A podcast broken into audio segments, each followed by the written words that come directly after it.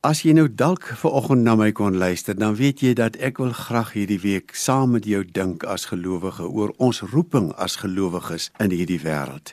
Die wêreld rondom ons is nie 'n maklike wêreld nie. Ek het ver oggend uit Filippense 2 gelees dat die Bybel noem dit toe al 'n ontaarde en 'n korrupte wêreld. Ons leef in 'n moeilike tyd en in 'n moeilike wêreld. En ons het 'n roeping teenoor hierdie wêreld in Filippense hoofstuk 2 vers 15 en 16 word ons roeping teenoor die wêreld met 'n paar woorde opgesom: "Tree onder hulle op as ligdraers in die wêreld, deur die woord van die lewe uit te dra." Nou dis nie 'n vreemde gedagte vir ons as gelowiges dat ons die lig vir die wêreld genoem word nie. Jesus het dit dikwels gedoen. Wat in die teks opval is hoe ons dit moet doen. Onthou nou dat die mense in daai tyd het mos nou nie 'n Bybel gehad om vir iemand te gee soort van die woord van die lewe vir iemand te gee in gedrukte vorm nie.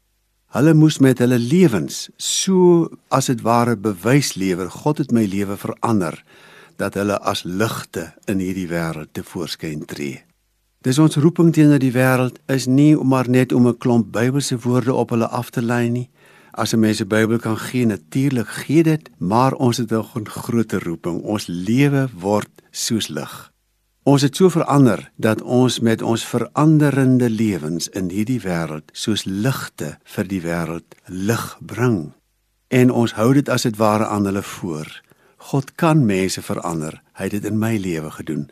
Hy kan dit in jou lewe doen. Kom ons gee ons aand en ons nag vir die Here.